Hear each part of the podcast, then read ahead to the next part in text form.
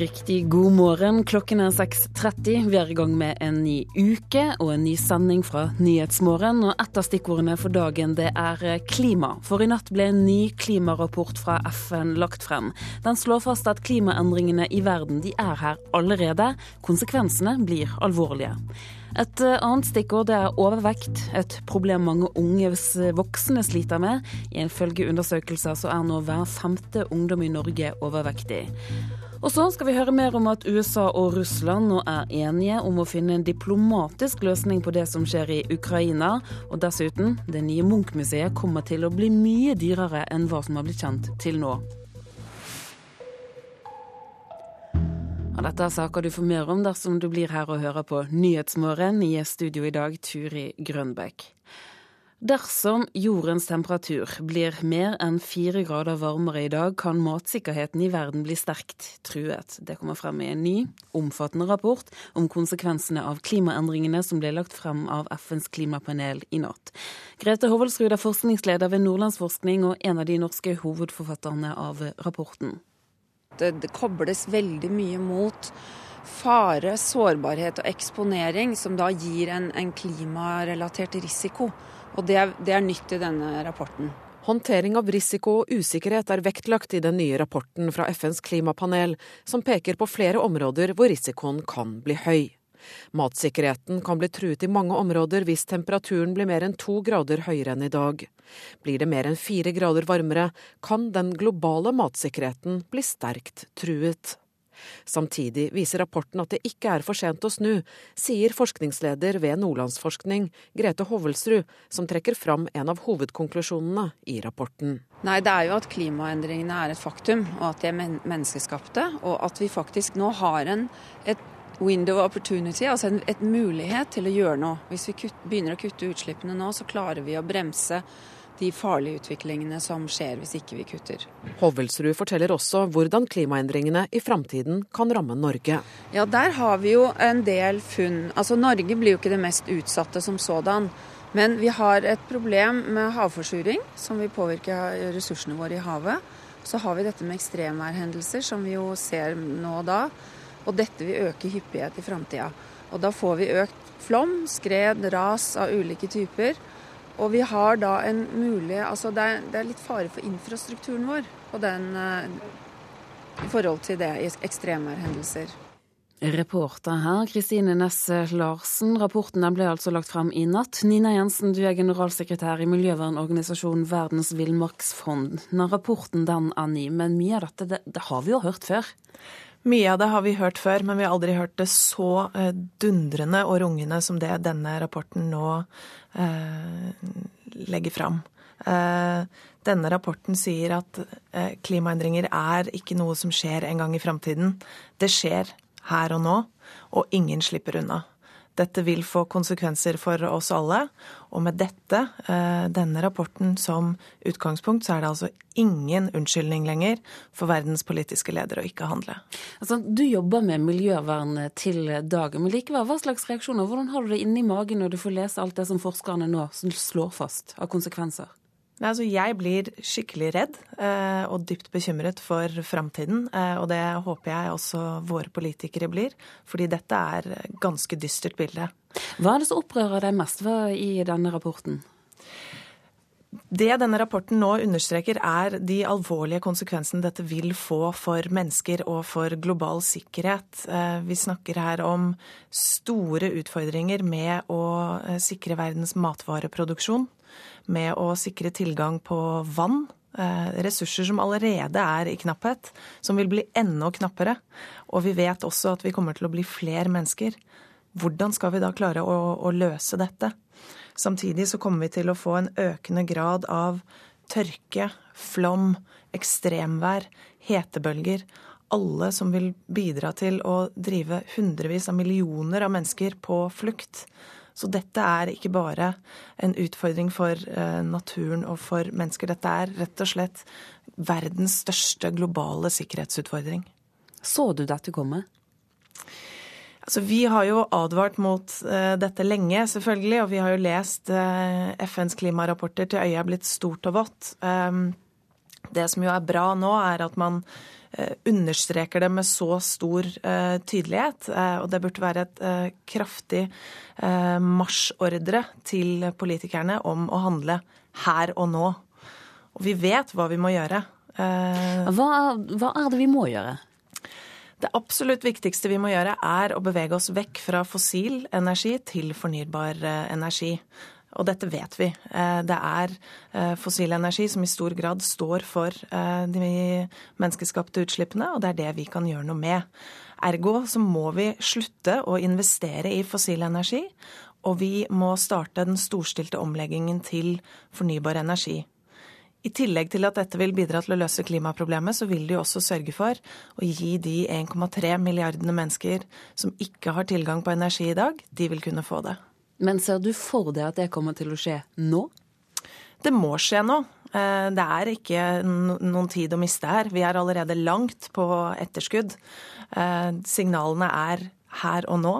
Eh, vi ser en økende grad av flom også i vårt land, selv om vi ikke blir rammet så hardt av konsekvensene som andre. Vi ser mer ekstremvær, vi ser mer tørke og mer hetebølger. Vi kan rett og slett ikke tillate oss å vente lenger. Og én ting er konsekvensene av klimaendringer, men en annen ting er kostnadene. Dette kommer til å bli ekstremt kostbart å rydde opp i. Og vi må ikke bare bruke penger på å rydde opp i det. Vi må også bruke betydelige penger på å sikre oss mot de konsekvensene som kommer. Så her dreier det seg ikke om å eh, hente inn noen kortsiktige gevinster fra olje- eller kullressurser.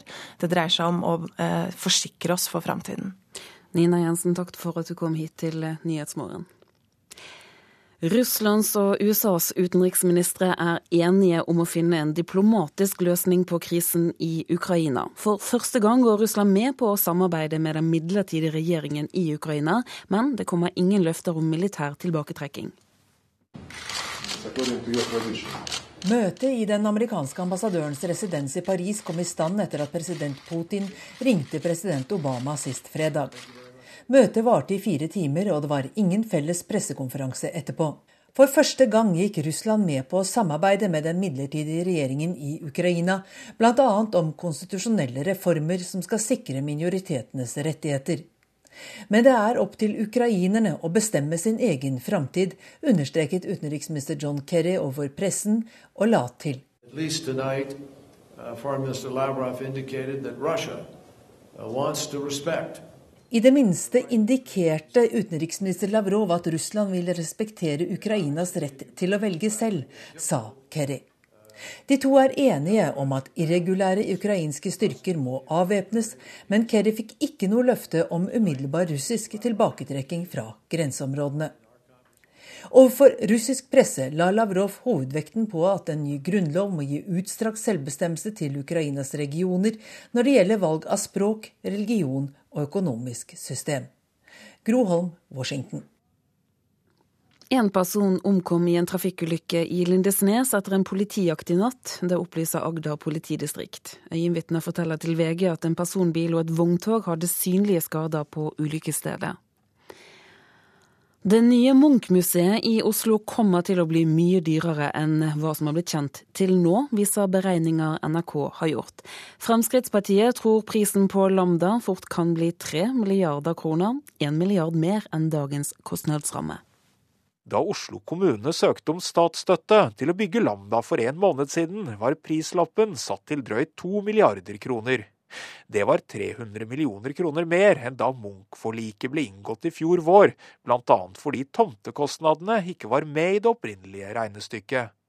Men fortsatt er en rekke utgifter utelatt, og prisen vil bli høyere, mye høyere, tror FrPs finanspolitiske talsmann i bystyret, Gøran Kalmyr. Ja, hvis vi sammenligner de ekstrakostnadene som kom til på biblioteket etter det stadiet som Lambda nå er på, så er det ikke usannsynlig at prislappen øker med 1 milliard kroner. Blant det byrådet har holdt utenom regnestykket, er inventar- og IKT-løsninger, renteutgifter, prisstigning i byggeperioden og eventuell prisøkning når prosjektet er kvalitetssikret. For nye Deichmanske hovedbibliotek, der spaden allerede er stukket i jorda i Bjørvika, utgjør disse elementene 833 millioner kroner. I tillegg kommer bl.a. kostnadene ved å flytte Edvard Munchs kunst, som ventes å bli skyhøye. Dette burde byrådet ha sagt klarere fra om, sier Gøran Kalmyr. De har sagt at det kommer ekstra kostnader på f.eks. inventar. Men problemet er at byrådet har jo ikke sagt hvor mye ekstra kostnader som vil komme på inventar. Eh, og når vi da sitter og sammenligner det med Deichmanske, så ser vi at ekstrakostnaden her kan bli en milliard. Og det burde byrådet ha lagt fram noen regnestykker på på et tidligere tidspunkt. Kulturbyråd Halstein Bjerke fra Venstre sier at deler av sammenligningen med Deichman er relevant, men at interiør- og IKT-utgiftene blir mindre på Munch-museet. På den annen side legger ikke Bjerke skjul på at det å flytte så mye og så verdifull kunst blir dyrt. Men å komme med tall, det vil han ikke gjøre før han har dem. De kvalitetssikrede tallene for hele prosjektet de får vi først når prosjektet er kvalitetssikret, og det er det i juni. Kan vi komme opp i en milliard ekstra, slik Frp frykter? Jeg ønsker ikke å spekulere i tall, men det er jo ikke tvil om at det å bygge et nytt eh, Munch-museum til eh, en av eh, verdens største kunstnere, det er et stort, ambisiøst, kostbart prosjekt. Så langt så kjenner vi kostnadene på selve bygget. De har vi kommunisert ut. Så vet vi at det er en del kostnadselementer i hele prosjektet som vi ennå ikke kjenner.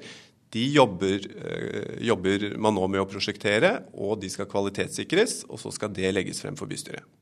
Det sa kulturbyrådet i Oslo, Halstein Bjerke, reporter Olav Juven. Rituell omskjæring bør forbys, det mener leder i Rådet for legeetikk, Svein Aarseth. Han mener det strider mot medisinsk fornuft å utføre inngrep på friske personer, og at det burde være forbudt å utføre omskjæring på barn under 16 år, skriver Dagsavisen. Helseministeren har varslet at han kommer med et forslag om å gjøre omskjæring av gutter til et offentlig tilbud. Både barnelegene og barnekirurgene har vært svært kritiske til et slikt eh, inngrep. Halvparten av de 205 lokalpolitikerne i Arbeiderpartiet som Dagbladet har spurt, sier de vil ha Hadia Tajik som ny nestleder i partiet.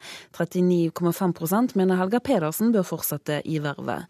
Trond Giske får støtte hos 33,7% av de spurte, og undersøkelsen bekrefter dessuten at Jonas Gahr Støre er soleklar favoritt til å overta ledervervet etter Jens Stoltenberg. Så skal vi se nærmere på avisene og hva de har på forsidene i dag. Byråkratspråk frustrerer. Folk skjønner ikke brev de får fra det offentlige. Og det offentlige bruker 300 millioner kroner i året på å svare folk hva egentlig brevene betyr. Nå skal kommunalministeren rydde opp i alt tåkepratet. Det skriver Dagsavisen. Regjeringen ønsker å la flere stå i jobb utover dagens grense på fylte 70 år, men det er ikke så mange 70-åringer som ønsker å fortsette i jobben. Det viser en undersøkelse Unio har bestilt, skriver Klassekampen.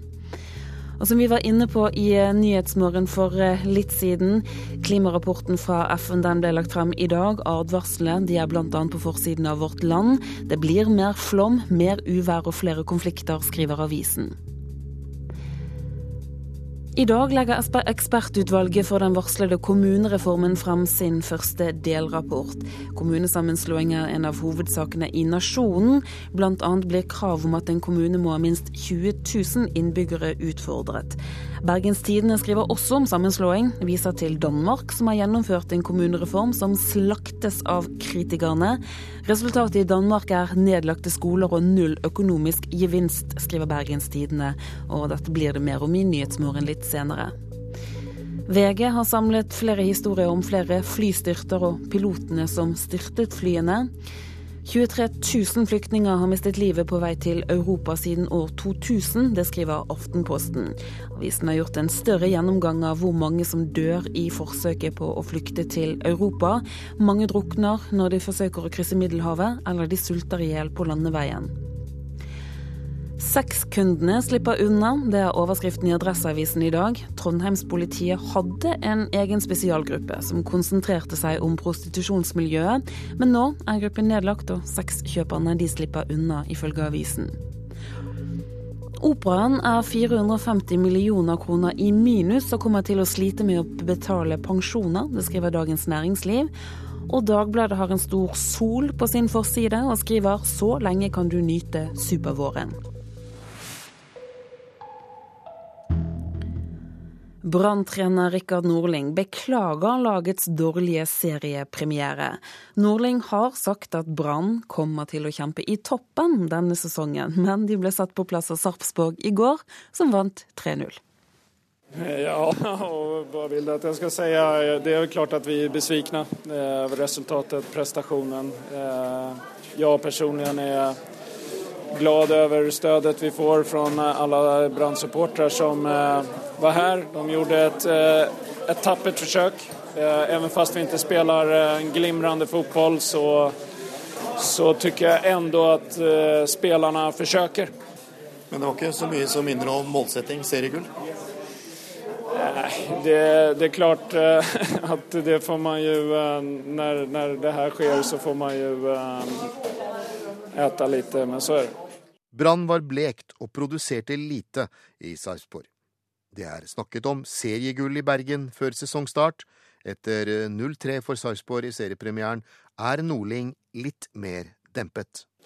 Så målsettingen er å vinne hver match fortsetningsvis også.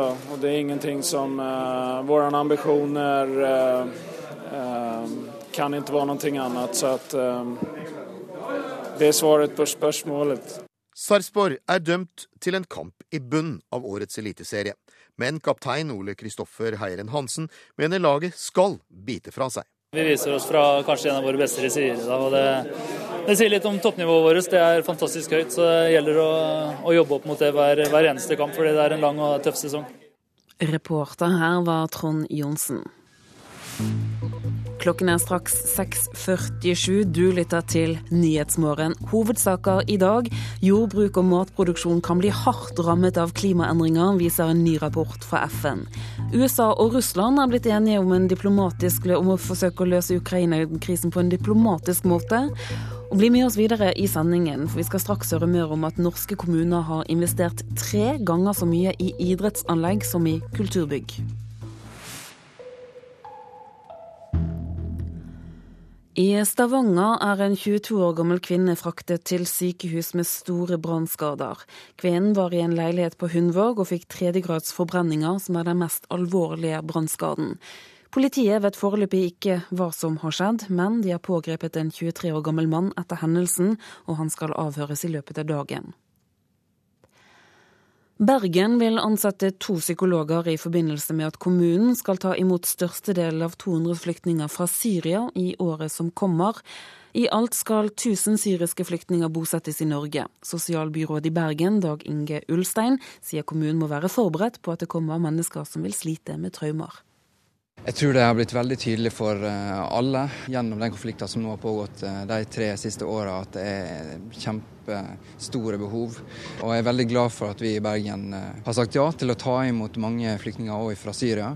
Og da har vi nødt til å forberede oss godt på det. Og de psykologstillingene vil være veldig, veldig viktige der. Mange unge voksne sliter med overvekt. Ifølge undersøkelser er hver femte ungdom overvektig. Og nå skal Frisklivssentralen i Bergen hjelpe unge voksne til å endre livsstil. Et av tiltakene det er bedre struktur på hverdagene, både når det gjelder måltider og trening. Tanken er at ungdommene skal slippe å slite med overvekt gjennom hele livet. Å komme i gang så tidlig som mulig og se at det hjelper og ikke vente til de har passert 50. det er ett av mange råd Oddvar Fossedal kan gi de unge voksne som skal delta i Frisklivssentralens nye prosjekt. Han har sjøl slitt med overvekt i over 40 år, men har nå fått hjelp til å endre livsstilen sin, og kan endelig skryte av at han har gått opp Stoltsekleiven. Og her er det opplevd dette store med å forandre livsstil og alt, så det er helt topp. Rådgiver og prosjektleder Karoline Heggøy ser alvoret i tallene og er klar for en endring. Tallene viser at, at, det er de unge som øker mest i vekt. Det er en utvikling som vi må gjøre det vi kan for å forsøke å stoppe. At det er viktig for folkehelsen og for enkeltindividet. Dietter som lover deg en rask vektnedgang, stiller Heggøy seg skeptisk til. Hun mener at de er den vanligste årsaken til at vekten går opp igjen. Ja, man går gjerne fort ned i vekt, men det kommer også fort på igjen. Og når det skjer eh, en del av antall ganger, så blir det et veldig dårlig mønster. Og vi vet noen ting om at hvis man skal komme ned i vekt og at det skal bli varig, så må man kanskje også beregne å bruke litt tid på det. Og, og gjøre grep på flere fronter. Helseforskjellene og snittet på overvektige i landet stiger. Og dette bekymrer Frisklivssentralens leder Kristin Vikane. Det er en, noen der ute som absolutt trenger hjelp til å få gjort noe. Og det er jo både for den, for den enkelte å få bedre livskvalitet gjennom å ha bedre helse, men også samfunnsmessig. At man forebygger eh, kostnader og belastning på samfunnet som helhet på sikt. Å sette fokuset på de unge mener Heggøy og Vikane er viktig. Å starte opp prosjektet, det er noe de ser fram til. Jeg gleder meg til å treffe ungdommene. Jeg gleder meg til å hjelpe dem til å forstå at de påvirker livet sitt i veldig stor grad selv. Og jeg gleder meg enormt til å forhåpentligvis bidra til å flytte dem. Å skape mestring og skape en følelse av at ja, jeg kan ta kontroll i mitt eget liv, og på den måten påvirke livet mitt til det bedre. Fra å være lite aktiv og altfor glad i sjokolade, til å kunne gå opp Stoltsen og trene flere ganger i uken, vil Oddvar være en god ressurs for de unge. Han kan vise forståelse for hva de går igjennom, og være en stor inspirasjonskilde til at en livsstilsendring gjør livet lettere. Jeg har jo prøvd å legge om og spise mindre og sånt, men så tok det stopp like fort. Men når jeg først bestemte meg, så gikk det bare ja, veldig kort tid. Og så er det veldig fint å se at kroppen er blitt bedre, og så alle venner og familie de bemerker det. Og så merker du det jo på deg sjøl òg. På pust og når du skal gå og på absolutt alt. Det sa Oddvar Fossedal, reporter det var Kine Evensen. Norske kommuner har investert tre ganger så mye i idrettsanlegg som i kulturbygg de siste årene. Flere kulturforskere har vært kritiske til iveren etter å bygge kulturhus. Men hvor er de kritiske røstene til kommunenes pengebruk i idretten? Det spør kulturforsker Georg Arnestad. At de ikke har reist noen mer kritiske røster i blant publikum og kanskje blant eh, folk som, som driver med idrettsforskning. Det, undrer meg kanskje litt, for det, fordi at det blir bygd stort og det blir bygd mye i, eh, av idrettsarenaer også. Ole Edvard Antonsen var på plass da hjembyen Hamar nylig åpna kulturhuset sitt. Og de siste åra er det bygd kulturhus for milliarder av kroner i Norge.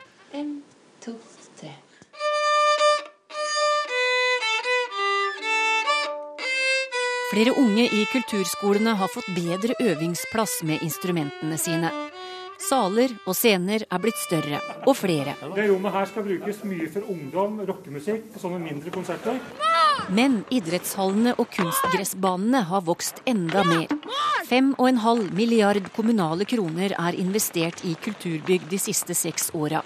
I idretten er summen 15 milliarder. Det viser at idretten står veldig sterkt, og jeg blir litt forbanna på den diskusjonen som har gått. Sier Rune Håndlykken, som er rådgiver for kulturbygg i hele landet.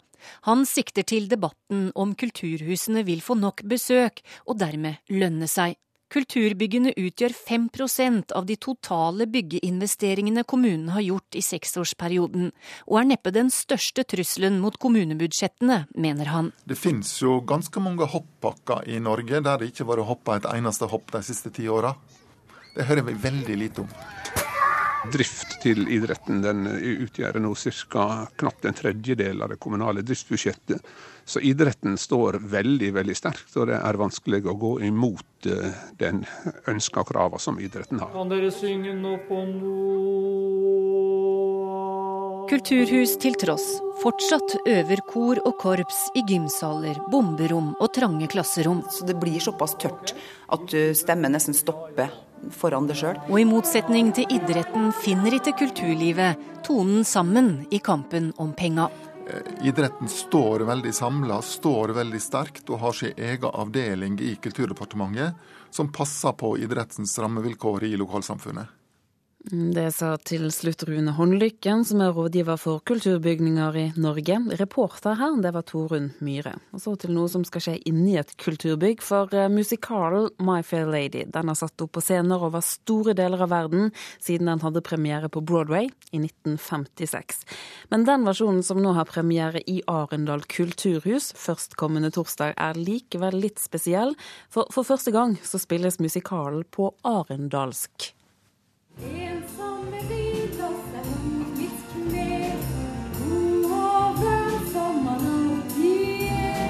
Slik har du ikke hørt Eliza Doolittle i My Fair Lady tidligere.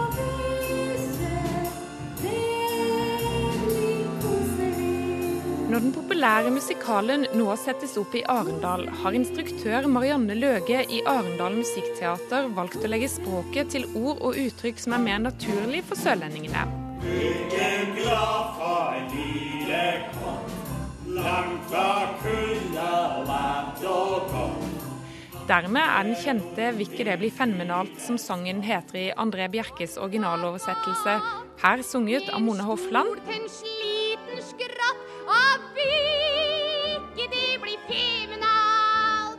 Blitt til 'Vil ikke det bli koselig', sunget av Risør-jenta Mathilde Ibsen.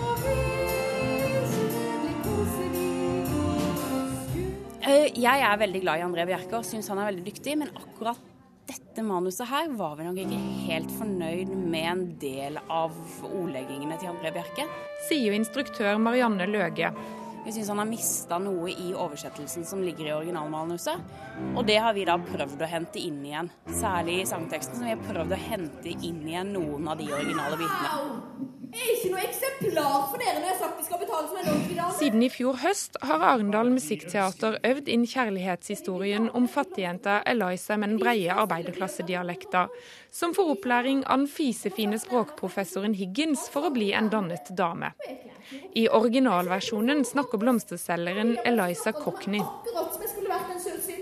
Arendalsk er på et vis den nærmeste dialekten vi fant som minner om cockney. Jeg vet mye så godt som du, og sånne leksjoner koster. Ja, reporter i Arendal, det var Miriam Grov, og det er altså premiere nå førstkommende torsdag. I Nyhetsmorgen skal vi ta med et værvarsel som gjelder frem til midnatt. Vi starter med fjell i Sør-Norge som får nordvestlig bris. Nord for Jotunheim, Jotunheimen økende til frisk bris utover ettermiddagen. Det blir snøbyger lengst nord, ellers oppholdsvær og perioder med sol. Østlandet og Telemark skiftende bris, stort sett oppholdsvær og det blir perioder med sol. Agder skiftende bris, stort sett pent vær og det blir lokal tåke på kysten. Rogaland nordlig frisk bris på kysten, lokal morgentåke, men ellers blir det mye pent vær. Hordaland og Sogn og Fjordane får nordlig frisk bris på kysten. Liten kuling i nord, men mye pent vær. Møre og Romsdal nordlig bris, i kveld nordøst frisk bris på kysten. Det blir enkelte regn- eller sluddbyger, snøbyger i høyden. Trøndelag nordvest frisk bris på kysten. I ettermiddag dreiende nordlig og litt minkende. Regn- eller sluddbyger, snøbyger i indre og høyere strøk, og i kveld lettere vær. Nordland bris omkring nord, frisk bris på kysten. Enkelte sludd- og snøbyger. Fra sent i ettermiddag stort sett oppholdsvær og perioder med sol i sør.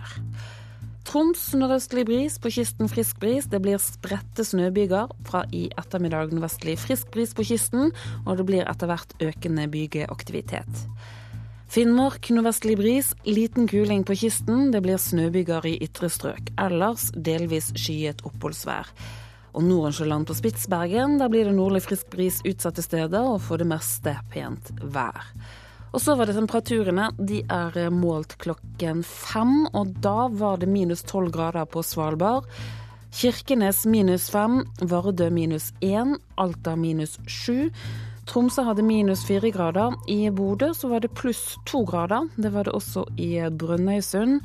Trondheim hadde tre plussgrader, Molde én grad. Bergen tre plussgrader, Stavanger 2. Null grader i Kristiansand. Gardermoen hadde tre plussgrader. Lillehammer én grad. Minus to grader på Røros, og Oslo-Blindern hadde fem plussgrader der temperaturene ble målt klokken fem i dag tidlig. Hør ekko. Hver gang du fyller handlekurven din med godsaker og drar kortet, så sier det ganske mye om helsetilstanden din. Du sjekker Facebook, du har GPS på mobilen og kommer ikke inn på jobben uten adgangskort. Big data. Alle sporene vi legger igjen etter oss, de er det mange som har lyst til å analysere og bruke. Og ikke bare til din fordel. Ekko 9 11 i NRK P2. Fagfolk vegrer seg for å søke jobb i små kommuner, mener akademikerne, som vil ha færre og større kommuner. Russland og USA er enige om å få til en diplomatisk løsning på Ukraina-krisen. Her er NRK Dagsnytt klokka sju.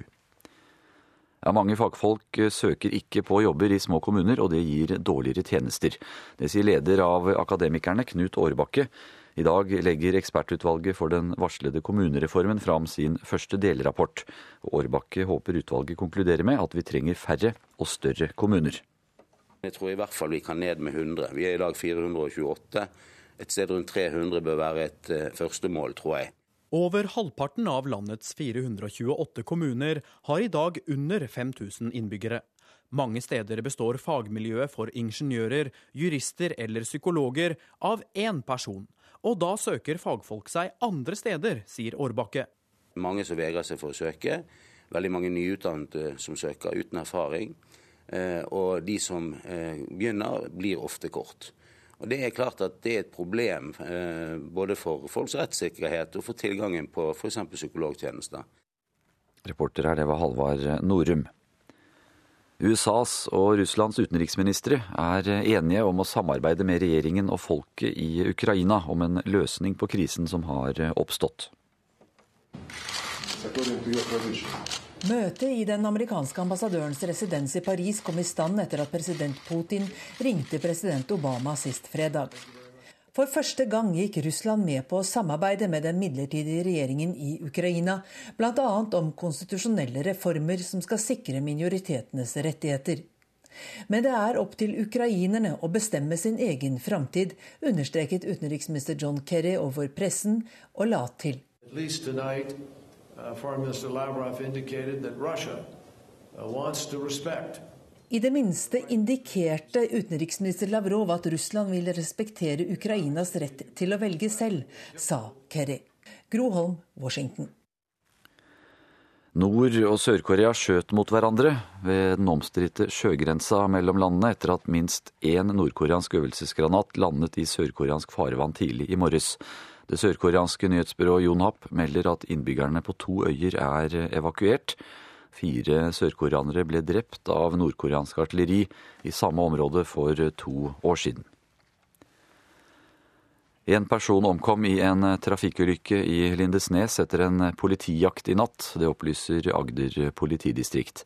Europavei 39 var stengt i natt, men bilister kan nå passere ved ulykkesstedet like sørøst for Vigeland.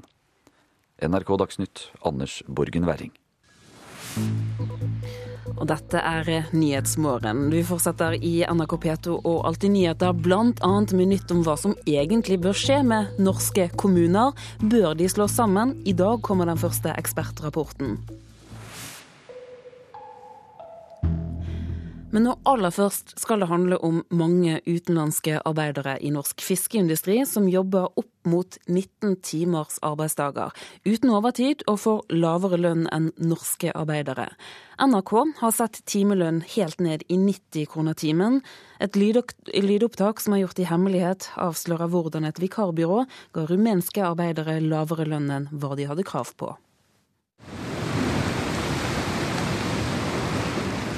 Vi er i Nordland. Hit til et fiskevær i Vesterålen kom en gruppe rumenere i fjor.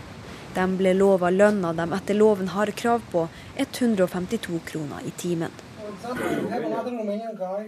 Men i dette skjulte opptaket arbeiderne har gjort av et møte med bemanningsbyrået JM Skaret, sier Jørn Skaret rett ut at lønna er 135 kroner i timen, selv om noe annet står i kontrakten. Og ganske riktig, da lønnsslippen kom, sto det 152 kroner i timen. Men reelt sett fikk arbeiderne en timelønn på 135 kroner. De fikk nemlig ikke betalt for alle timene de hadde jobba, for en sånn arbeidsmengde er ulovlig.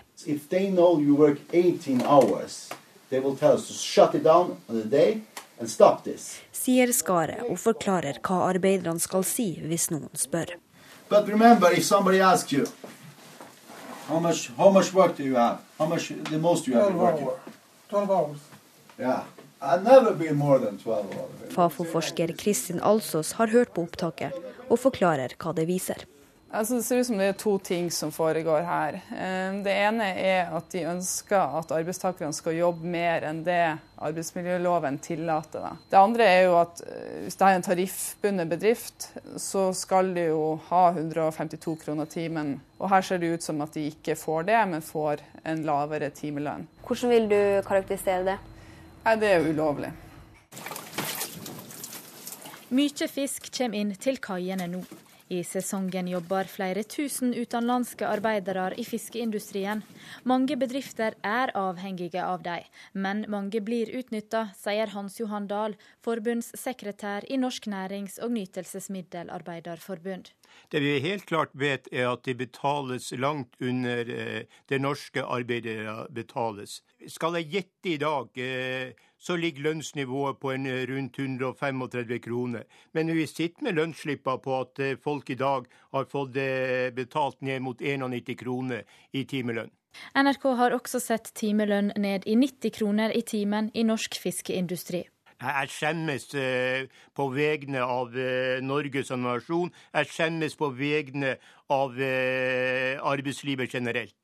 De blir kontakta av arbeidere som er fortvila, men så redde for å få sparken at det er vanskelig å ta tak i problemet.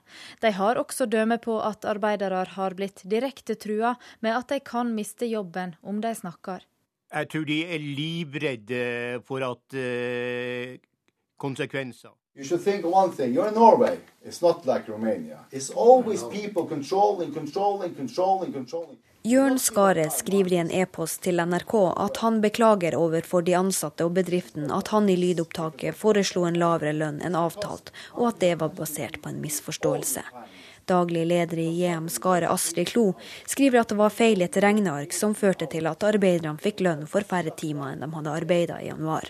Hun avviser at JM Skaret har forsøkt å kamuflere arbeidstimer for Arbeidstilsynet. De rumenske arbeiderne fikk lønna tilbakebetalt neste måned, men de har ikke fått komme tilbake til Norge for å jobbe. Og Arbeidstilsynet i Nord-Norge sier de ser useriøse aktører i bransjen, men også mange som holder seg til lover og regler. Reportere her Kristine Svendsen og Eirin Årdal. Kristin Alsås, du er forsker i Fafo. Vi hørte deg i reportasjen her. Du forsker altså på forholdet for utenlandske arbeidere i fiskeindustrien. Hvordan vil du beskrive forholdet for utenlandske arbeidere i den industrien? Altså det er grupper som er litt vanskelig å forske på, nettopp for at de er så vanskelig tilgjengelige. Så vi har ikke så god oversikt over hvordan de egentlig har det. Eh, vi vet at en del av de større bemanningsforetakene i Norge, altså som driver innenfor flere bransjer, sier at fiskeindustrien er en vanskelig bransje fordi at det er så hard konkurranse nettopp eh, på, på kostnadsnivået at de, de blir for dyr i forhold til de andre aktørene. I tillegg så er det en del andre faktorer som kan tilsi at det er et stort sånn, mulighetsrom da, for å drive type sosial dumping innenfor fiskeindustrien. Altså Det er mange utenlandske arbeidstakere som kommer fra land med lavt lønnsnivå. De er villige til å ta jobb for et lønnsnivå som er langt under det som finnes i Norge. Og I tillegg så er de har eh, dårlig tilknytning til det norske arbeidsmarkedet, de har dårlig norsk, og de vet lite om sine rettigheter. Betyr dette at i hermetegn forholdet ligger til rette for useriøse aktører? Jeg vil si det. altså I motsetning til f.eks. byggebransjen, så har man ingen minstelønn i fiskeindustrien. Så det er ikke noe sånn gitt sats som eh, man må forholde seg til. Så det gjør at eh, der man ansetter direkte, f.eks., så kan man gå så lavt som man vil, så lenge det ikke ligger noe tariffavtale i bedriften. Men disse som leier inn arbeidskrafta, sånn som i dette innslaget, altså at de leier arbeidskraft ut til en, eh, til en bedrift, da må de forholde seg til det lønnsnivået som er i den bedriften. Og det kan jo virke som ikke alle gjør. Hvor, går det an å si noe om hvor utbredt det er at utenlandske arbeidere har andre forhold enn de norske kollegaene? Nei, det er vanskelig å si noe om omfanget. Altså. Det, altså, som sagt så sier jo de store aktørene at det her er et vanskelig marked å konkurrere i. Og vi vet at Arbeidstilsynet har få virkemidler de kan sette inn innenfor fiskeindustrien, i og med at det ikke er noe minstelønn der de kan gå og sjekke.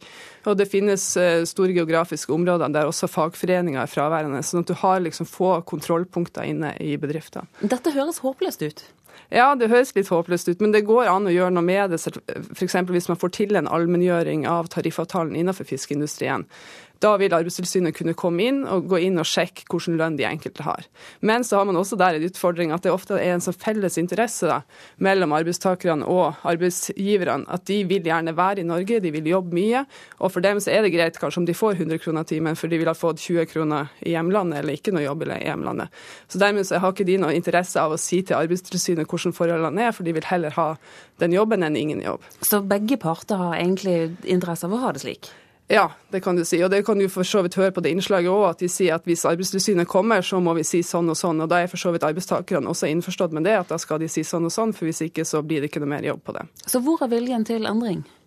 Nei, altså Her må først og fremst de som, de som eh, kjøper inn denne arbeidskrafta, de som leier inn folk, det er de som må ta ansvar for at det her skal være ordna lønns- og arbeidsvilkår. Det er der ansvaret ligger. Hvis ikke de hvis ikke det er en etterspørsel etter lavt betalt arbeidskraft, så vil det heller ikke være noe marked for det. Men bare spør, Er dette spesielt for fiskeindustrien? Altså, vi ser jo, har jo sett eksempler på dette i mange bransjer eh, der det er mye utenlandsk arbeidskraft.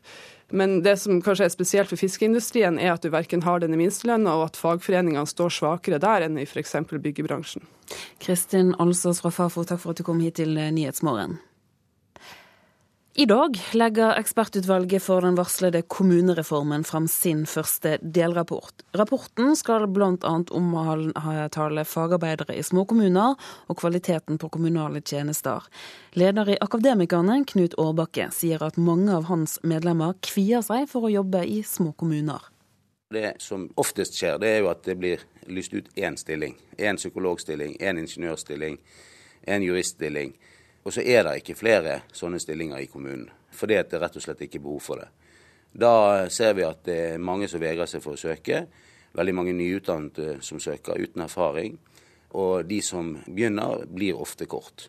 Og derfor vil han ha færre og større kommuner med flere innbyggere og større ansvarsområder. Over halvparten av landets 428 kommuner har i dag under 5000 innbyggere. To av tre kommuner har ikke ansatt jurist. Én av fire kommuner har to eller færre stillinger med fagutdanning i barnevernet.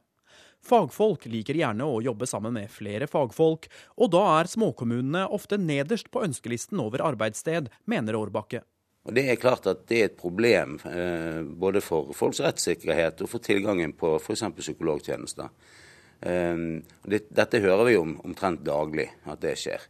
Og det vi ser det er at Når kommuner eller bedrifter eller statsetat eller hva det er, klarer å bygge fagmiljøer som består av noen flere, så er det mye lettere både å rekruttere folk og beholde folk. Men SVs Karin Andersen mener sammenslåing av små kommuner ikke nødvendigvis løser problemene Årbakke er opptatt av. Det er også et faktum at en del store kommuner eh, som ligger i pressområder i landet, sliter akkurat med det samme mangel på ingeniører, mangel på jurister, og det er fordi de ikke klarer å konkurrere lønnsmessig med næringslivet som ligger rundt. Men små fagmiljøer gjør det vel ikke akkurat lettere for en kommune å konkurrere, når man da også har det lønnsnivået man snakker om? Nei, det er det ikke. Og da er det jo fullt mulig å samarbeide interkommunalt om dette, slik at man får et fagmiljø.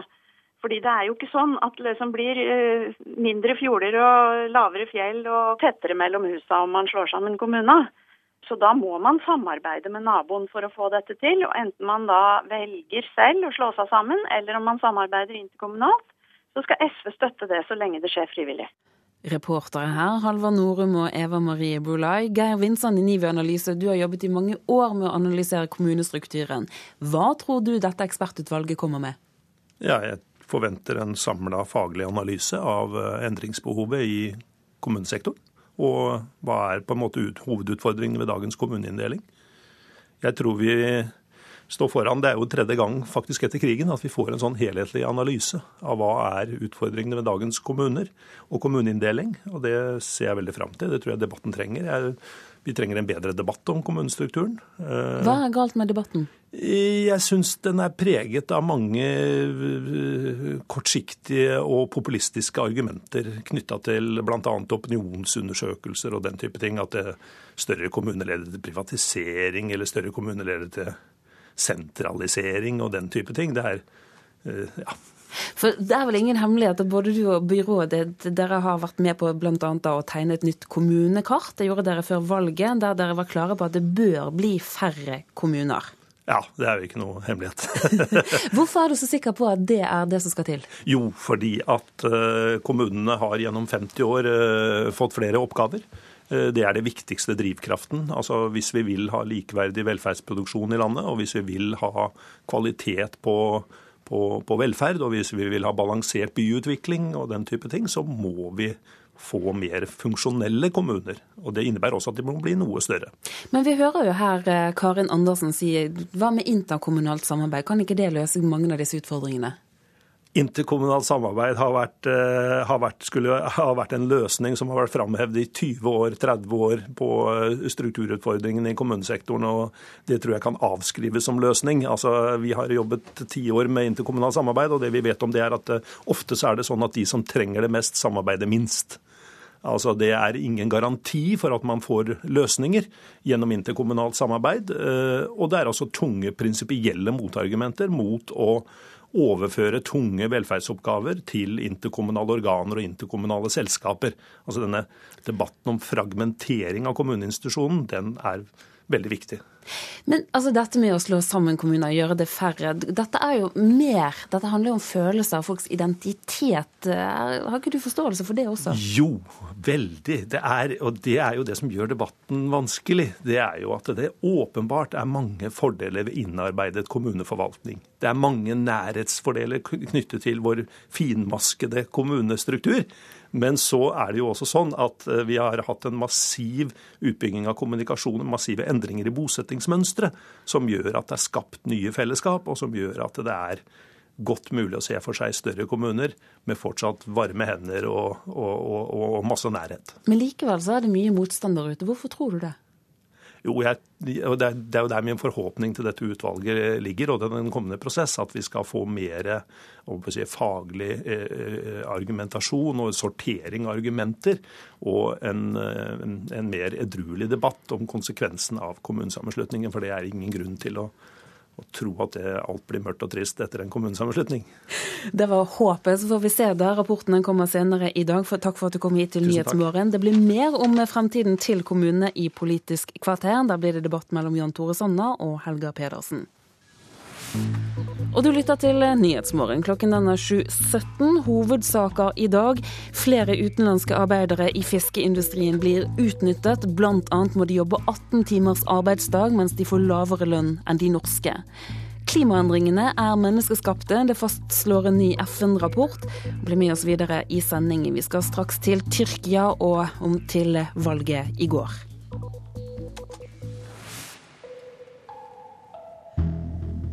Nå først til at Russlands utenriksminister Sergej Lavrov og USAs utenriksminister John Kerry de er enige om å finne en diplomatisk løsning på krisen i Ukraina. Det kommer ingen løfter om militær tilbaketrekking fra grenseområdene, men for første gang går Russland med på å samarbeide direkte med den midlertidige regjeringen i Ukraina. Møtet i den amerikanske ambassadørens residens i Paris kom i stand etter at president Putin ringte president Obama sist fredag. Møtet varte i fire timer, og det var ingen felles pressekonferanse etterpå. Lavrov valgte å møte pressen i den russiske ambassadørens bolig. Vi er enige om å samarbeide med den ukrainske regjeringen og det ukrainske folket når det gjelder minoritetsrettigheter, språk og avvæpning av irregulære styrker, sa Lavrov, som hele tiden har hevdet at høyreekstreme grupper, noen av dem væpnede, spilte en sentral rolle i den ukrainske revolusjonen. Det er første gang Russland går med på å samarbeide med den midlertidige regjeringen. I intervjuer med russisk presse legger Lavrov hovedvekten på at den nye framtidige grunnloven må gi utstrakt selvbestemmelse til Ukrainas regioner når det gjelder valg av språk, religion og økonomisk system. Russisk må få status som offisielt språk, og Ukraina må bli en føderasjon. Bare slik kan Ukrainas enhet sikres, mener Lavrov. USAs utenriksminister sa på sin pressekonferanse at det vil være fornuftig av ukrainerne å ta hensyn til russiske synspunkter. Men det er opp til ukrainerne å bestemme sin egen framtid, understreker John Kerry gjentatte ganger. Og så la han til. Tonight, uh, Lavrov indicated that Russia uh, wants to respect uh, the right of i det minste i kveld indikerte utenriksminister Lavrov at Russland vil respektere Ukrainas rett til å velge selv. Han sa også at han vil støtte Ukrainas uavhengighet og den vanskelige demokratiske overgangen mot velstand og fred, sa Kerry. USA prioriterer ikke nå å forsøke å reversere annekteringen av Krim, selv om Kerry presiserte at den amerikanske ledelsen ser på Russlands handlinger som illegitime og i strid med internasjonal rett.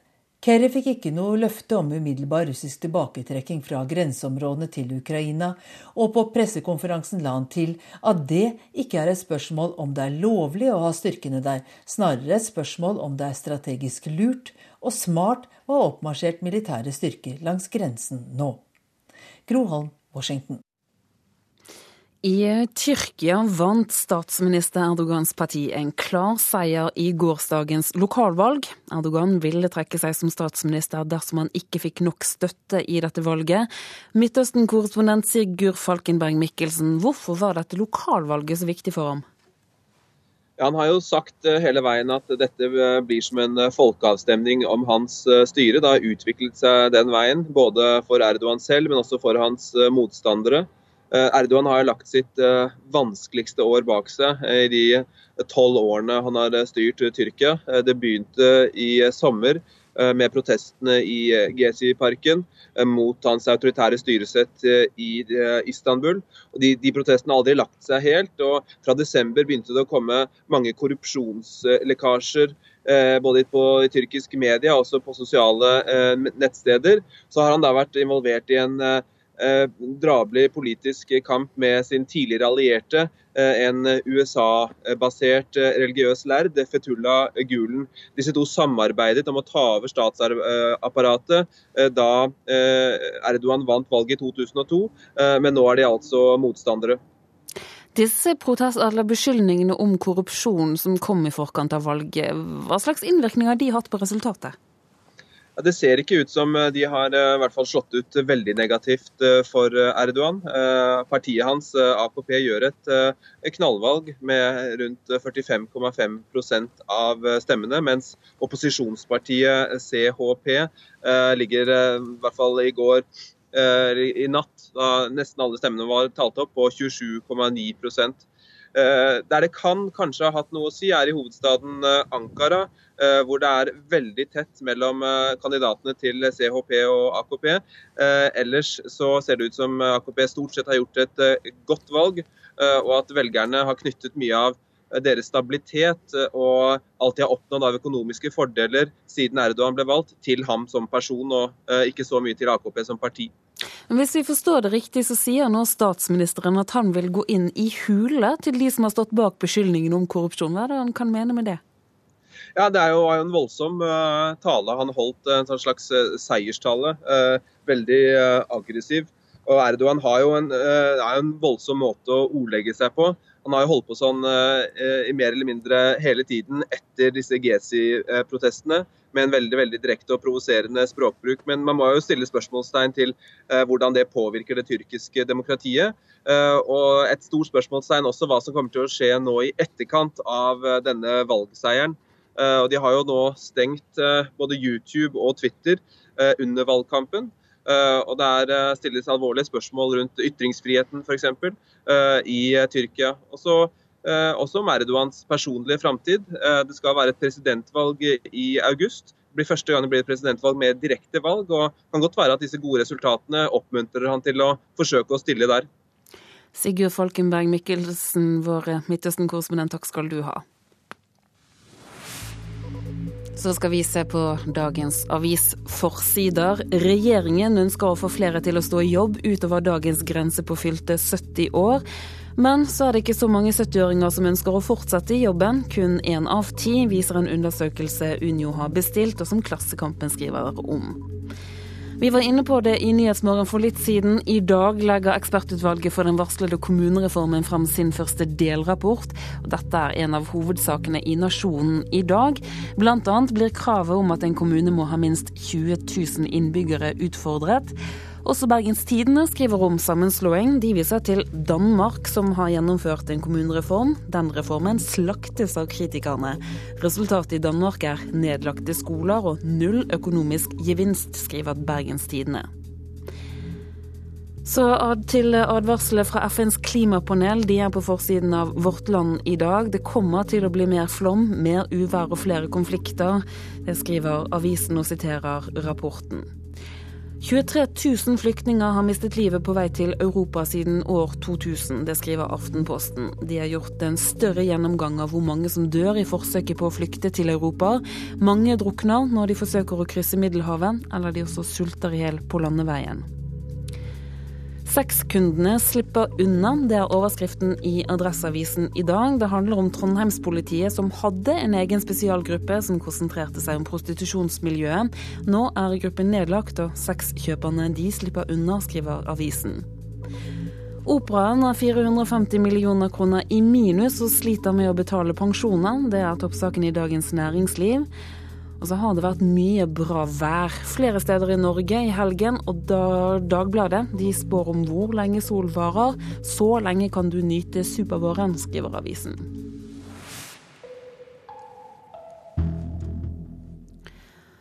Det er ikke alle som syns at det er vanskelig å gå på skolen. 15 år gamle Bjørn Ove Rogne kjedet seg på ungdomsskolen. Han er så flink i engelsk at han får hoppe over tiendeklasseundervisningen og ta faget på videregående i stedet for.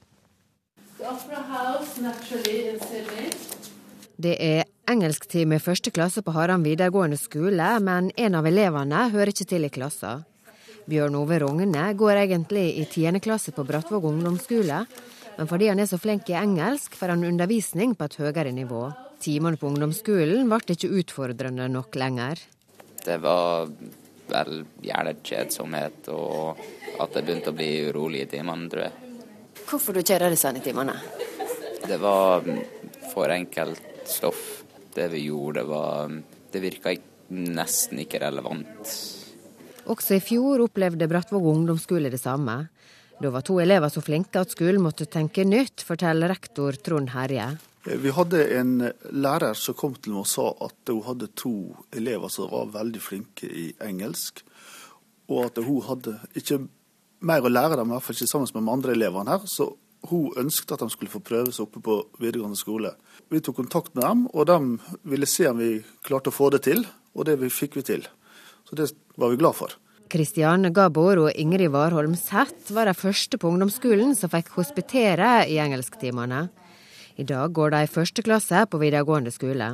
For meg så var det en veldig positiv opplevelse. Jeg føler det var veldig lærerikt, og at jeg fikk utvikle meg mye mer enn det jeg hadde fått om jeg gikk med de som var like gamle som meg. For det ble en mye større utfordring. Fikk litt mer å jobbe med. Så for meg så har det bare vært positivt. Jeg var veldig takknemlig for at vi fikk tilbudet.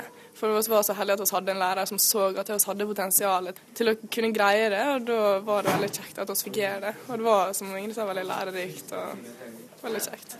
Bente Hole er engelsklærer og er svært positiv til å få sterke ungdomsskoleelever inn i sin klasse. Jeg syns det er helt flott. det. De, og de som vi har hatt det, vært veldig flinke og gjort det godt faglig. og Er engasjerte og veldig motiverte, har inntrykk av. Så det har bare vært positivt. En dobbelttime i engelsk er over, og Bjørn Ove Rogne skal straks inn i sin egen ungdomsskoleklasse og ha matteundervisning. Han ser fram til å starte på videregående på rett til høsten. Nei, jeg gleder meg. Det, det er veldig bedre enn en ungdomsskolen. Jeg føler det er mye friere. Det sa Bjørn Ove Rogne, og i år er det 1570 ungdomsskoleelever her i Norge som tar fag på videregående nivå. Reporteren det var Malin Kjenstadli Korsnes. Det offentlige bruker 300 millioner kroner i året på å forklare nordmenn komplisert byråkratispråk. En av tre nordmenn har problemer med å forstå hva som står i offentlige dokumenter og brev. Halvparten av dem som ikke forstår, ringer til det offentlige for å få hjelp. Det sier kommunalminister Jan Tore Sanner til Dagsavisen. De kan slite med uforståelige ord, vriene uttrykk, lange, tunge setninger i møte med det offentlige. Og Sanna legger nå én million kroner på bordet til et pilotprosjekt som skal forenkle språket i landets kommuner. Og du lytter til eh, Nyhetsmorgen her i studio Turi Grønbekk i dag. Det er Katrine Nybø som er produsent for Nyhetsmorgen nå. Hvis du blir med oss videre i sendingen, så blir det Politisk kvarter når klokken blir 7.45. og Da skal det handle mer om rapporten som Jan Tore Sanner får i dag, om hva som bør skje med kommunene her i Norge. Ekspert, et, et ekspertutvalg har, eh, legger frem sin endelige rapport i dag. Nå først blir det Dagsnytt. Anders Borgen Werring er klar.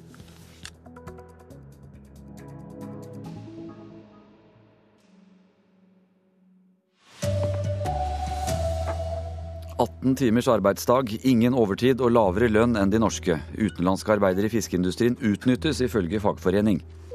Klimaendringene er her allerede. Det blir mer flom og uvær også i Norge, fastslår ny FN-rapport.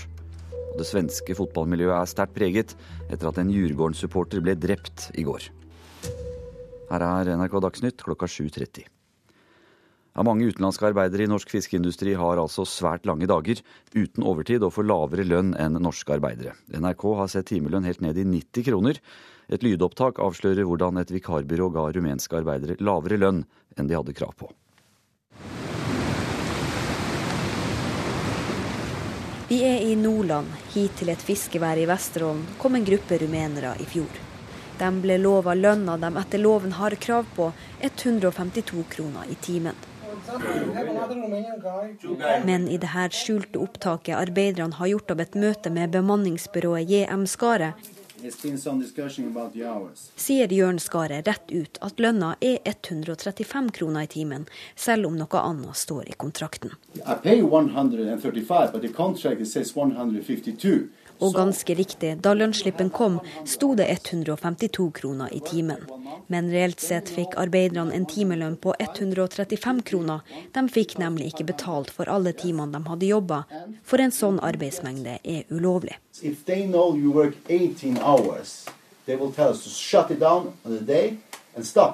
Sier Skaret og forklarer hva arbeiderne skal si hvis noen spør. But remember, if somebody asks you, How much, how much work do you have? How much, the most you have 12 working? 12 hours. Yeah. I've never been more 12 hours. Fafo-forsker Kristin Alsås har hørt på opptaket og forklarer hva det viser.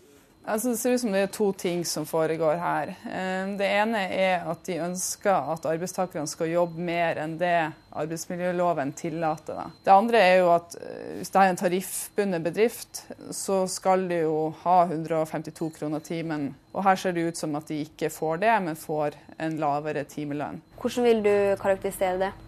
Nei, det er ulovlig. Mye fisk kommer inn til kaiene nå. I sesongen jobber flere tusen utenlandske arbeidere i fiskeindustrien. Mange bedrifter er avhengige av dem, men mange blir utnytta, sier Hans Johan Dahl, forbundssekretær i Norsk nærings- og nytelsesmiddelarbeiderforbund. Det vi helt klart vet, er at de betales langt under eh, det norske arbeidere betales. Skal jeg gjette i dag, eh, så ligger lønnsnivået på en eh, rundt 135 kroner. Men vi sitter med lønnsslipper på at folk i dag har fått betalt ned mot 91 kroner i timelønn. NRK har også sett timelønn ned i 90 kroner i timen i norsk fiskeindustri. Jeg skjemmes eh, på vegne av eh, Norge som nasjon. Jeg skjemmes på vegne av eh, arbeidslivet generelt. De blir kontakta av arbeidere som er fortvila, men så redde for å få sparken at det er vanskelig å ta tak i problemet. De har også dømme på at arbeidere har blitt direkte trua med at de kan miste jobben om de snakker. Jeg tror de er livredde for at konsekvenser. You should think one thing. You're in Norway. It's not like Romania. It's always people controlling, controlling, controlling, controlling. Jørn Skare skriver i en e-post til NRK at han beklager overfor de ansatte og bedriften at han i lydopptaket foreslo en lavere lønn enn avtalt, og at det var basert på en misforståelse. Daglig leder i JM Skare, Astrid Klo, skriver at det var feil i et regneark som førte til at arbeiderne fikk lønn for færre timer enn de hadde arbeida i januar. Hun avviser at JM Skare har forsøkt å kamuflere arbeidstimer for Arbeidstilsynet. De rumenske arbeiderne fikk lønna tilbakebetalt neste måned, men de har ikke fått komme tilbake til Norge for å jobbe. Arbeidstilsynet i Nord-Norge sier det er flere useriøse aktører i bransjen, men også at mange følger loven. Reportere her det var Kristine Svendsen og Eirin Årdal. Dersom jordas temperatur blir mer enn fire grader varmere enn i dag, kan matsikkerheten i verden bli sterkt truet. Det går fram av en ny omfattende rapport om konsekvensen av klimaendringene, som ble lagt fram av FNs klimapanel i natt. Leder av klimapanelet, Rajendra Pachauri, sier ingen mennesker vil være uberørte av klimaendringene. In view of these impacts and those that we have projected for the future, nobody on this planet is going to be untouched Lederen av FNs klimapanel, Rajendra Pachauri, framhevet de alvorlige konsekvensene av klimaendringene for hele verdens befolkning under framleggelsen av FNs klimarapport i Japan i natt. Ingen vil være uberørt, selv om det først og fremst er sårbare og fattige mennesker som rammes. Grete Hovelsrud er forskningsleder ved Nordlandsforskning og en av de norske hovedforfatterne av rapporten. Nei, hvis man tenker på f.eks. fattige mennesker som er fattige og sårbare i utgangspunktet, hvis de da blir utsatt for klimaendringer, og da i tillegg kanskje kobles mot konflikter, så har man en, et slags bilde som er mye mer nyansert enn det man hadde før. Det er ikke én til én, eller det er ikke lineært. Matsikkerheten kan bli truet i mange områder hvis temperaturen blir mer enn to grader høyere enn i dag. Blir det mer enn fire grader varmere, kan den globale matsikkerheten bli sterkt truet. Samtidig viser rapporten at det ikke er for sent å snu, sier Grete Hovelsrud, som trekker fram en av hovedkonklusjonene i rapporten. Nei, Det er jo at klimaendringene er et faktum, og at de er men menneskeskapte. Og at vi faktisk nå har en, et window opportunity, altså en et mulighet til å gjøre noe. Hvis vi kutt, begynner å kutte utslippene nå, så klarer vi å bremse de farlige utviklingene som skjer hvis ikke vi kutter. Reportere her, det var Kristine Næss Larsen. Nord- og Sør-Korea skjøt mot hverandre ved den omstridte sjøgrensa etter at eh, minst én nordkoreansk øvelsesgranat landet i sørkoreansk farvann tidlig i morges. Det sørkoreanske nyhetsbyrået Jonhap melder at innbyggerne på to øyer er evakuert. Fire sørkoreanere ble drept av nordkoreansk artilleri i samme område for to år siden. Mange fagfolk kvier seg for å søke jobb i eh, små kommuner, og det gir dårligere tjenester. Det sier leder av Akademikerne, Knut Årbakke. I dag legger ekspertutvalget for den varslede kommunereformen fram sin første delrapport, og Årbakke håper utvalget konkluderer med at vi trenger færre og større kommuner. Jeg tror i hvert fall vi kan ned med 100. Vi er i dag 428. Et sted rundt 300 bør være et uh, første mål, tror jeg. Over halvparten av landets 428 kommuner har i dag under 5000 innbyggere. Mange steder består fagmiljøet for ingeniører, jurister eller psykologer av én person. Og da søker fagfolk seg andre steder, sier Årbakke. Mange som vegrer seg for å søke. Veldig mange nyutdannede som søker uten erfaring. Eh, og de som eh, begynner, blir ofte kort. Og Det er klart at det er et problem eh, både for folks rettssikkerhet og for tilgangen på f.eks. psykologtjenester. Men SVs Karin Andersen mener samarbeid mellom kommunene kan skape vel så gode fagmiljøer som å slå dem sammen. Det er jo ikke sånn at det liksom blir eh, mindre fjorder og lavere fjell og tettere mellom husa om man slår sammen kommuner. Så da må man samarbeide med naboen for å få dette til. Og da er det jo fullt mulig å samarbeide interkommunalt om dette slik at man får et fagmiljø. Reportere Halvard Norum og Eva Marie Bulai. En person omkom i en trafikkulykke i Lindesnes etter en politijakt i natt, opplyser Agder politidistrikt. Europavei 39 var stengt lenge, men bilister kan nå passere ved ulykkesstedet like sørøst for Vigeland. Fotballmiljøet i Sverige er sterkt preget etter at en Djurgården-supporter i går døde. Han ble angrepet i Helsingborg og ble mishandlet i flere minutter, forteller vitner til svenske medier. Og I natt samlet supportere seg utenfor Djurgårdens stadion i Stockholm for å sørge etter det tragiske dødsfallet. Hvor skal det slutte någonstans? Nå er det jo tolv år siden det hendte sist at noen dog. Nå har det hendt igjen sier Djurgården-supporteren Kenneth Arnquist til Radiosporten utenfor Djurgården stadion i Stockholm, der det i natt ble tent lys for den 43-årige firebarnsfaren som ble drept før møtet mellom Helsingborg og Djurgården i går. Til Aftonbladet og Ekspressen forteller vitner at tre personer angrep mannen med ei flaske, og at han ble slått og sparka mot hovedet i flere minutter etterpå. Sverige står overfor et fotballvalgsproblem som er vanskelig å løse, mener Sveriges justisminister Beatrice Ask. Det hender langt utenfor arenaene mange ganger. Eh, det er ikke enkelt å gjøre tiltredelsesforbud. Vi kan ikke stenge av svenske steder derfor at to lag skal spille fotball. Det går ikke. Supporter Kenneth Arnquist tror ikke den brutale fotballvallen stopper her. Det kommer fort, det, I dag finnes det jo hevnbegjær hos noen. Forhåpentligvis så stannar det hos ett begär och vi andre sier stopp, det rekker nå. Men tror jag, tyvärr tror jeg ikke at det her rekker. Reporter eh, i denne saken det var Hans Henrik Løken. Det er eh, Anne Skårseth som har ansvaret for Dagsnytt eh, i dag. Det tekniske ansvaret har Frode Thorshaug. Og skript i dag det er Oda Holm Gulbrandsen. Jeg heter Anders Borgen Werring.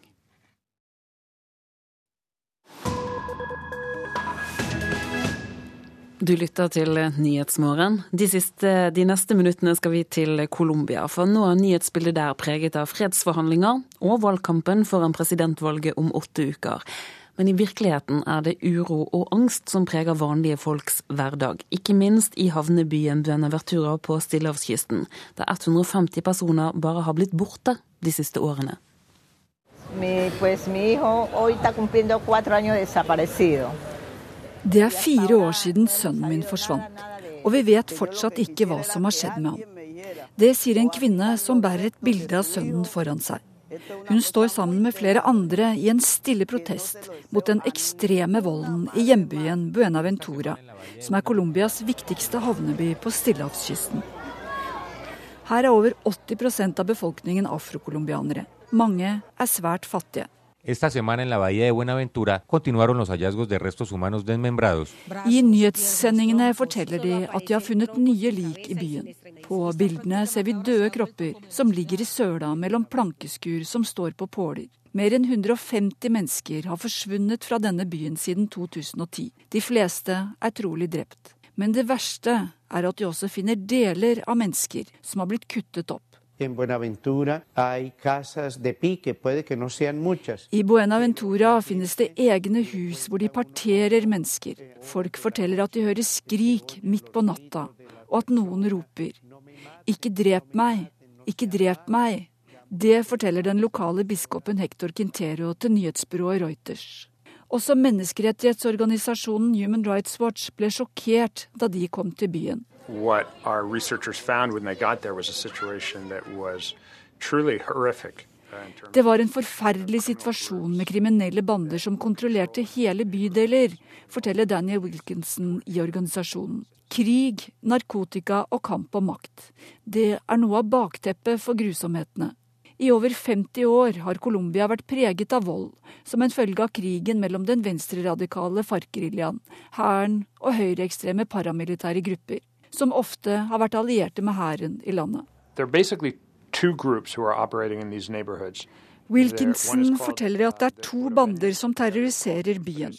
Mange er tidligere medlemmer av høyreorienterte paramilitære grupper, som ble demobilisert for rundt ti år siden, men som etterpå har gått inn i andre paramilitære nettverk. Disse gruppene har også tidligere hatt ekstrem vold som et av sine kjennemerker, og er anklaget for massakrer på flere tusen mennesker. Last year, more than 13, mer enn 13 000 mennesker har flyttet fra stedet pga. trusler og vold, sier Wilkinson. Og noen mener at målet med terroren nettopp er at folk skal flytte. For de fattigste slumområdene ved sjøen blir mer og mer attraktive ettersom skipstrafikken øker. Og de er også viktige for smugling av våpen og narkotika. Volden i Buenaventura har sjokkert også regjeringa i landet. Forsvarsminister Juan Carlos Pinzón har sendt tunge militærkjøretøy og kampkledde soldater inn mellom plankeskurene for å beskytte folk mot de kriminelle bandene. Men mange mener at de fattigste bydelene heller trenger jobber enn soldater. Og det skaper også hodebry at demobiliseringa av de paramilitære ikke har fungert. For hvis FARC-geriljaen og regjeringa, som har sittet i fredsforhandlinger på Cuba i over et år, kommer fram til en fredsavtale, må flere tusen geriljasoldater demobiliseres. Folk som nyhetsbyrået Reuters har snakket med, er likevel fornøyde med at militæret er sendt inn i slumområdene. Jeg syns det er bra og takker Gud, for nå vil vi få et tryggere liv enn vi hadde før, sier Alba Maria Mosquera smilende. Og det sa reporter Inger-Marit Kolstad Bråten. Og du lytter til Nyhetsmorgen. Hovedsaker i dag er bl.a. at 18 timers arbeidsdag, ingen overtid og lavere lønn enn norske. Utenlandske arbeidere i fiskeindustrien blir utnyttet, ifølge fagforening. Klimaendringene er her allerede. Jordbruk og matproduksjon kan bli hardt rammet, og det blir mer flom og uvær også i Norge, fastslår ny FN-rapport. Og blir du med videre til Kulturnytt, får du høre mer fra en sinna rådgiver som reagerer på at kommunene har brukt tre ganger så mye på idrettsanlegg som på kulturhus de siste årene. Dette er ting du får mer om i Kulturnytt, men nå først er det tid for Politisk kvarter.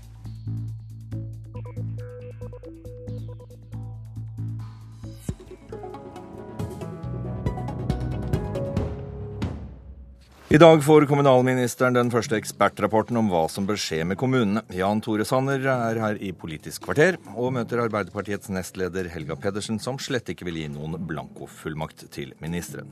Og Arbeiderpartiet møtes i dag for å avklare hvem som skal lede etter Jens Stoltenberg, og vi spør nestlederen hva hun mener bør skje. Dette er Politisk kvarter. Jeg heter Alf Hartgen. Velkommen hit, eh, kommunal- og moderniseringsminister, eh, heter det. Jan Tore Sanner. Tusen takk. I dag får du altså den første ekspertrapporten som skal fortelle hva som bør skje med kommunene her i landet. Det som du kaller en demokratireform, og hvor opposisjonen allerede nå har slipt sverdene og står, eh, og står klare til å ta det.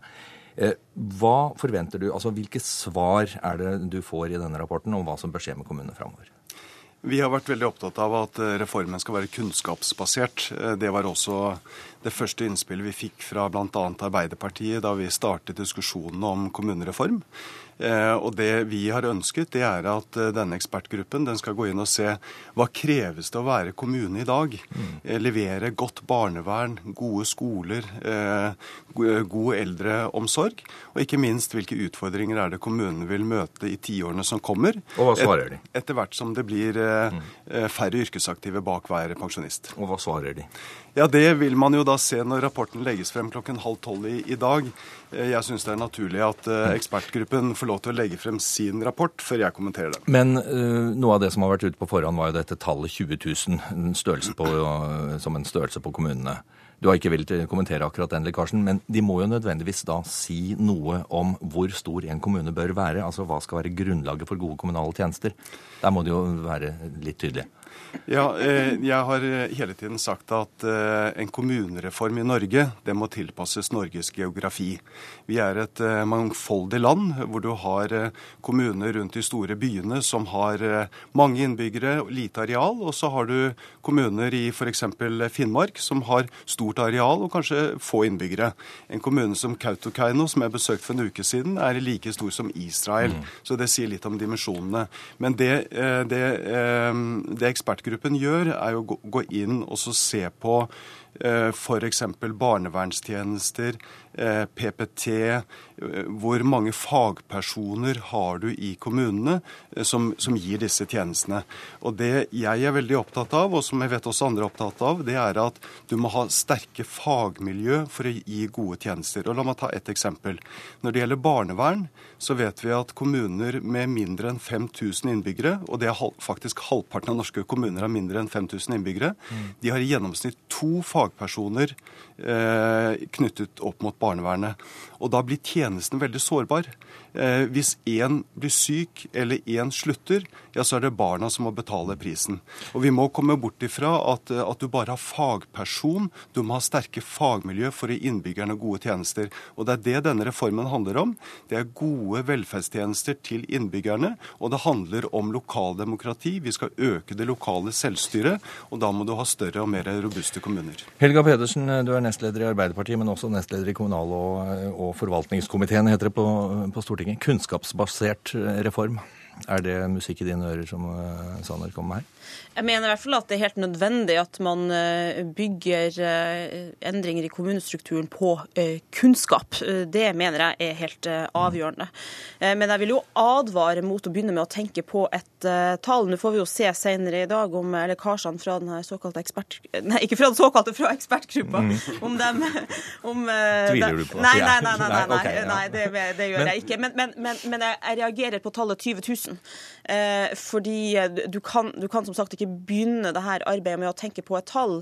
Eh, I Finnmark ville en grense på 20 000 gjort at man satt igjen med tre kommuner. Det er et fylke som er like stort som Danmark i areal. Samtidig er det jo sånn at noen av de største strukturutfordringene ser vi jo i storbyområdene. Og der vil jo et tall på 20 000 eh, virke eh, negativt i motsatt retning. Du var, du var veldig raskt ute og sa at dette 20 000-tallet, det kan du bare glemme. Altså, det, det er ikke noe å forhandle om engang. Nei, altså men, det, men, det, mener jeg det mener jeg man bare bør legge på eh, is hvis man skal fortsette prosessen. Ja, det høres egentlig sånn ut, og det er jeg veldig eh, glad for. Eh, nettopp fordi at Norge er veldig mangfoldig, ikke bare når det gjelder geografi, men også eh, topografi. Ja, og I noen deler av landet så må du reise veldig langt bare for å finne 5000 innbyggere. Hva som er en funksjonell kommune, det kan du ikke avgjøre ut fra et tall. Jeg ser, vel, jeg ser, frem til å ha et godt samarbeid med Arbeiderpartiet om denne reformen. Eh, og jeg er overbevist om at vi kommer til, helt sikkert til å være uenige om ganske mye. Men jeg er glad Hva for Hva da, tror du? Jo, det, det, er jo helt sikkert enkeltelementer i dette. Eh, men jeg er veldig opptatt av at reformen må bygge på en bred politisk mm. enighet. Eh, nå, har allerede, nå har allerede de fire samarbeidspartiene sagt at det skal gjennomføres en reform i denne perioden. Og jeg, jeg møter også go, ha gode diskusjoner med, med, Arbeiderpartiet og oppfatter at der er en vilje til å, til å gjennomføre en, for, en reform. For de må med i dette her. Hvis ikke så blir det ikke noe. Ja, jeg har sagt flere ganger at dette er ikke en partipolitisk reform, det er en lokal, lokaldemokratireform.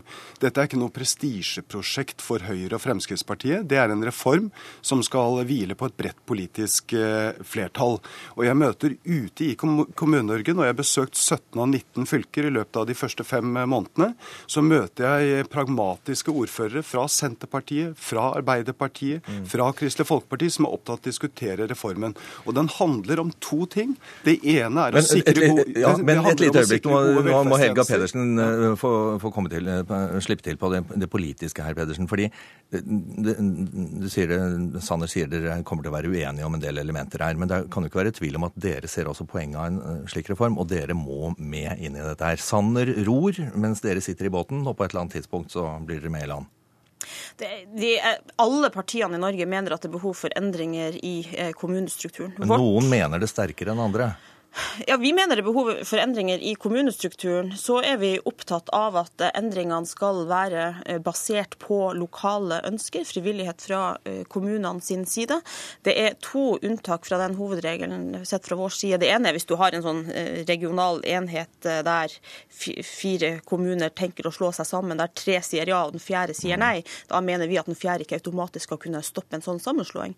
Det andre unntaket er jo hovedstadsområdet og storbyområdene. Vi mener det er behov for en egen prosess i hovedstadsområdet, fordi at den administrative strukturen, fylkeskommunestrukturen her i området, eh, ikke er tilpassa den befolkningsveksten vi ser. Så der er dere også med på tvang i en eller annen form? Her mener vi at det er behov for en eh, egen prosess. Og det er noe ris bak speilet som du også nødvendigvis må ha her, eh, Sanner? Det Helga Pedersen sier nå, det er jeg helt enig i. Mm. Eh, både at én kommune kan ikke stoppe en god regional løsning. Det andre jeg er helt enig i, det er at det er behov for også kommunesammenslåing i storbyregionene. Det sier også den rapporten noe om. Ja, det er ikke det bare si... de småkommunene? Nei, det, definitivt. Og det, hvis du ser på Bergensregionen, så skal det bygges 70 000 boliger i løpet av de kommende 15 år. Mange boliger, næringsarealer, skoler, barnehaver, infrastruktur. Du har samme situasjon rundt Stavanger og også i Oslo-området. Eh, og jeg tror det fort blir eh, jordvernet som taper hvis man ikke har mulighet til å se større arealer i sammenheng. Se på kommunene nord for, nord for Oslo, på Romerike. Der kan du mm. nesten kaste ball mellom rådhusene. Der er det behov for en kommunereform for å, få gode, for å finne gode lokale løsninger. Bare Andreas Torkils eller noe sånt. Men de ligger tett. Det er sant, det, Nei, Altså, og så vil jeg legge til eh, to ting. Det er forferdelig viktig at man ikke går videre i det her arbeidet med underfinansierte kommuner. Derfor er en sterk kommuneøkonomi svært viktig for oss, og også at man har en rettferdig fordeling mellom eh, kommunene. Fordi at Høyre og Fremskrittspartiet har jo varsla at de vil ha mindre omfordeling mellom de skatterike og de skattesvake kommunene. Det eh, vil være en utrolig dårlig kombinasjon med en prosess der du skal eh, slå sammen kommuner. Og Det andre er at man må ikke nå underminere det regionale folkevalgte nivået, bl.a. med å gjennomføre omfattende forsøk med videregående skole. Da undergraver du det regionale folkevalgte nivå, og det må vi ha med oss videre i prosessen. To advarsler på tampen der til Jan Tore Sanner. Vi kommer helt sikkert tilbake til det. Ja, du vil gjerne ja, OK, da. Du, du får ti sekunder helt til å parere den helt jo, på tampen. Eh, jo, men det, det, er, det er enkeltelementer her som vi helt sikkert er uenige om. Men det jeg er glad for, det er at eh, Arbeiderpartiet er åpen for å diskutere kommunereform. For dette er en moden reform, og det er en ønsket reform. Det er 50 år siden vi gjorde det sist, og nå er det på tide at vi får gjennomført en reform som gir større, mer robuste kommuner, som kan løse sine oppgaver, og som kan styrke lokaldemokratiet. Og så ser vi hva ekspertene sier senere i dag. Takk skal du ha, Jan Tore Sanner. Helga Pedersen, eh, vær vennlig å bli sittende litt til. Men eh, jeg skal snakke litt med eh, vår politiske kommentator Magnus Takvam. Nå kommer altså denne, denne første ekspertrapporten. Får Sanner de svarene han har bedt om, som han ønsker? Ekspertutvalget kommer i hvert fall til å peke på at det er et stort behov for reform av kommunestrukturen i Norge. Så på den måten er svaret ja. Det er jo det han er opptatt av. Og de anbefaler nok også en type minimumsstørrelse på en, en norsk kommune, kanskje på 15 000-20 000 innbyggere, men selvfølgelig da med det klare forbehold om at i de eh, delene av landet der dette av befolkningsmessige grunner og, og reiseavstander og sånn er umulig, så, så, eh, er det umulig å gjennomføre, f.eks. i Finnmark, som dere var inne på. Og så vil utvalget streke opp 12-13 kriterier for eh, hva som skal til for at en kommune kan greie å levere de oppgavene den skal gjøre til befolkningen. Det er, det mye snakk om pisk eller, eh, eller gulrot her. Hva, hva, kan, hva, kan, Sanner gjøre? Altså Frivillighet, altså, frivillige sammenslåinger. Vi nevnte et par eh, unntak her, som Pedersen tok opp. Hvilke manøvreringsmuligheter ja, altså, har Sanner her? Etter hvert, det vil ikke dette ekspertutvalget ta stilling til, så er det klart at man har mulighet til en del eh, skal vi si, å pushe fram reformene ved hjelp av økonomiske virkemidler. I dag er det f.eks. et engangstilskudd for å dekke kostnadene ved sammenslutninger. Det er mulig Sanner vil, vil standardisere det og gjøre det noe eh, skal vi si, eh, mer gjerrig enn det er i dag.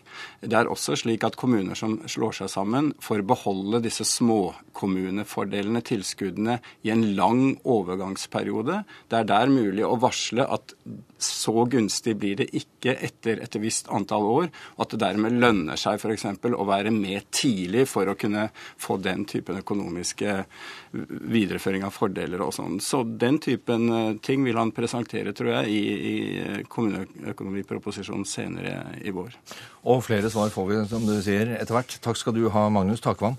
Eh, du sitter fremdeles her, Helga Pedersen, for eh, vi, vi, skifter tema. For om en times tid så møtes sentralstyret og deretter landsstyret i Arbeiderpartiet for å stake ut kursen framover når partiet skal ha en ny leder etter Jens Stoltenberg. Det er delte meninger om hvordan dette skal håndteres. Skal det være et ekstraordinært eh, landsmøte i vår hvor en ny leder velges, eller bør f.eks. du som nestleder gå inn og fungere fram til det ordinære landsmøtet neste år, hvor ledelsen velges da? Eh, som nestleder i partiet, Helga Pedersen, hva er det klokeste partiet kan gjøre nå? For det første skal jo sentralstyret og landsstyret ta stilling til det her senere i dag, så det her er ikke tidspunktet for å uh, konkludere på det. Det skal Nei. vi gjøre i fellesskapet senere i dag. Uh, men uh, Jens Stoltenberg, vår partileder, har uh, sjøl uttrykt ønske for å gå av på et landsmøte. det tror jeg er lite kontroversielt i vårt parti. Det vil si altså at du mener at det bør være et ekstraordinært landsmøte hvor Jens går av og det velges en ny leder? Hvis du skal høre på den Jeg, jeg tror det her er et lite kontroversielt uh, tema, uh, som sagt, og det skal landsstyret vårt konkludere på. Men det er jo mange, for eksempel, altså flere nordpå som sier at det er, det er helt meningsløst å ha et det vil si De mener i hvert fall det er unødvendig å ha et ekstraordinært landsmøte. Du kan gå inn og fungere som, som leder fram til det ordinære landsmøtet.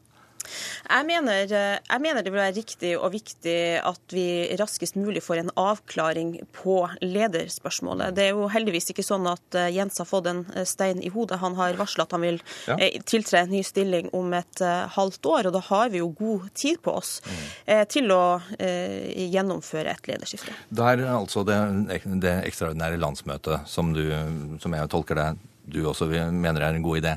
Hva med nestlederspørsmålet? Jeg er valgt som nestleder eh, frem til landsmøtet 2015, og jeg har ingen andre ønsker enn det. Men det er også noen som da mener at hele lederkabalen må opp?